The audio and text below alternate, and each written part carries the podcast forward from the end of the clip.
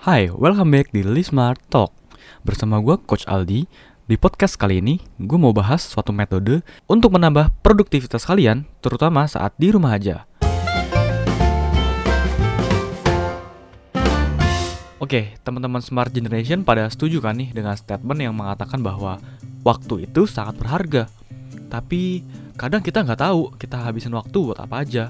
Apalagi saat di rumah aja kayak begini, kayaknya baru aja bangun tidur, nggak kerasa udah siang. Terus tiba-tiba udah sore, terus malam lagi, udah di atas kasur lagi deh. Dan kadang kita jadi merasa kita nggak produktif di hari itu. Nah, kalau udah begitu, siapa yang harus disalahkan? Waktu atau diri sendiri? Kunci dari kegiatan yang berjalan dengan baik adalah pengaturan waktu kalian.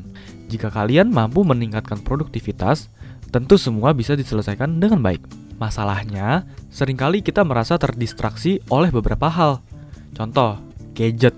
Nah, kalian sendiri nih pernah dengar gak sih yang namanya teknik Pomodoro? Ya, Pomodoro. Namanya emang mungkin terdengar asing ya. Tapi jangan salah, katanya dengan teknik ini kalian bisa meningkatkan produktivitas. Nah, apa sih itu teknik Pomodoro? Teknik Pomodoro adalah filosofi manajemen waktu di mana kita melakukan suatu hal harus fokus maksimal dalam jangka waktu yang ditentukan. Manfaat yang ditawarkan kalau kalian melakukan ini adalah kalian mampu menyelesaikan tugas lebih cepat dan mendapatkan kreativitas yang segar. Jadi kalian bisa akan menyelesaikan tugas dalam jangka waktu yang lebih singkat nih teman-teman. Selama waktu tersebut berlangsung, kalian diminta untuk tetap fokus Teknik ini ditemukan oleh Francisco Cirillo pada awal tahun 90-an. Metodenya cukup mudah ketika kalian dihadapkan pada tugas yang sulit. Bagi tugasnya ke dalam suatu interval waktu yang singkat. Nah, untuk mempermudah kalian mencerna cara kerja teknik ini, berikut ini adalah penjelasannya. Yang pertama, pilih tugas yang ingin kalian kerjakan. Yang kedua, kalian harus mengerjakan satu tugas dalam waktu 25 menit. Tapi ini bebas ya, tergantung kita mau aturnya berapa lama tapi yang ideal 25 atau 30 menit. Coba untuk fokus aja pada tugas yang kalian kerjakan ini. Bukan berarti satu tugas untuk 25 menit ya. Untuk memudahkannya bagilah satu tugas ke dalam beberapa bagian yang harus dikerjakan masing-masing selama 25 menit. Setelah kalian kerjakan selama 25 menit ambil istirahat selama kurang lebih 5-10 menit. Di masa ini kalian bisa melakukan distraksi apa pun Contohnya seperti ngecek media sosial, Instagram, TikTok. Nah, tapi inget ya, hanya 5 menit aja. Lalu kemudian kalian mulai mengerjakan tugas lagi untuk 25 menit berikutnya. Ketika kalian udah mengerjakan tugas selama 100 menit, 100 menit itu berarti 4 kali 25 menit yang terpisah-pisah. Nah, maka kalian bisa beristirahat lebih lama, yaitu sekitar 15 eh, sampai 20 menit. Nah, jika kalian berhasil fokus mengerjakan tugas dalam waktu 25 menit itu, maka beri tanda silang atau di checklist pada to-do list kalian. Nah, kalian juga harus take a note kapan aja waktu yang menurut kalian ini gampang ke distract nih.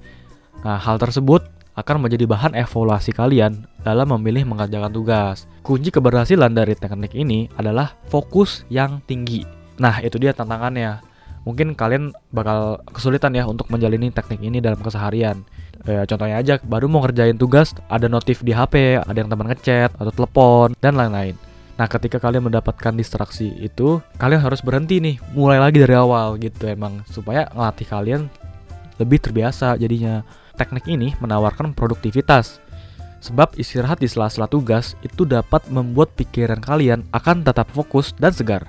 Nah, kalian mungkin juga nggak langsung berhasil nih dalam mengaplikasikan teknik ini pada saat pertama kali melakukannya mungkin dibutuhin waktu sekitar 7 sampai 20 hari untuk membuatnya berhasil. Ya seperti yang kita tahu, terkadang kita lupa diri kalau udah ke distract sama hal lain.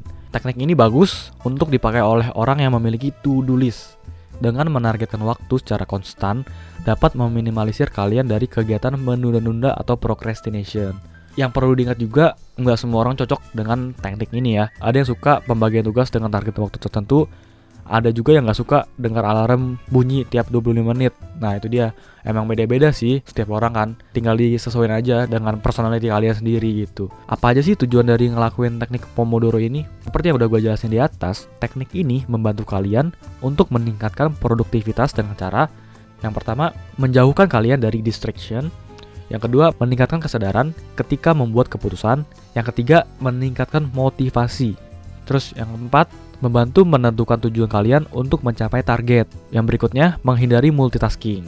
Oke, segitu dulu aja podcast dari gua. Semoga podcast ini bermanfaat dan teman-teman Smart Generation bisa semakin produktif saat di rumah aja. Jangan lupa dengerin podcast Lismart lain ya dan follow Instagram kita lismart.id. See you on the next episode. Bye.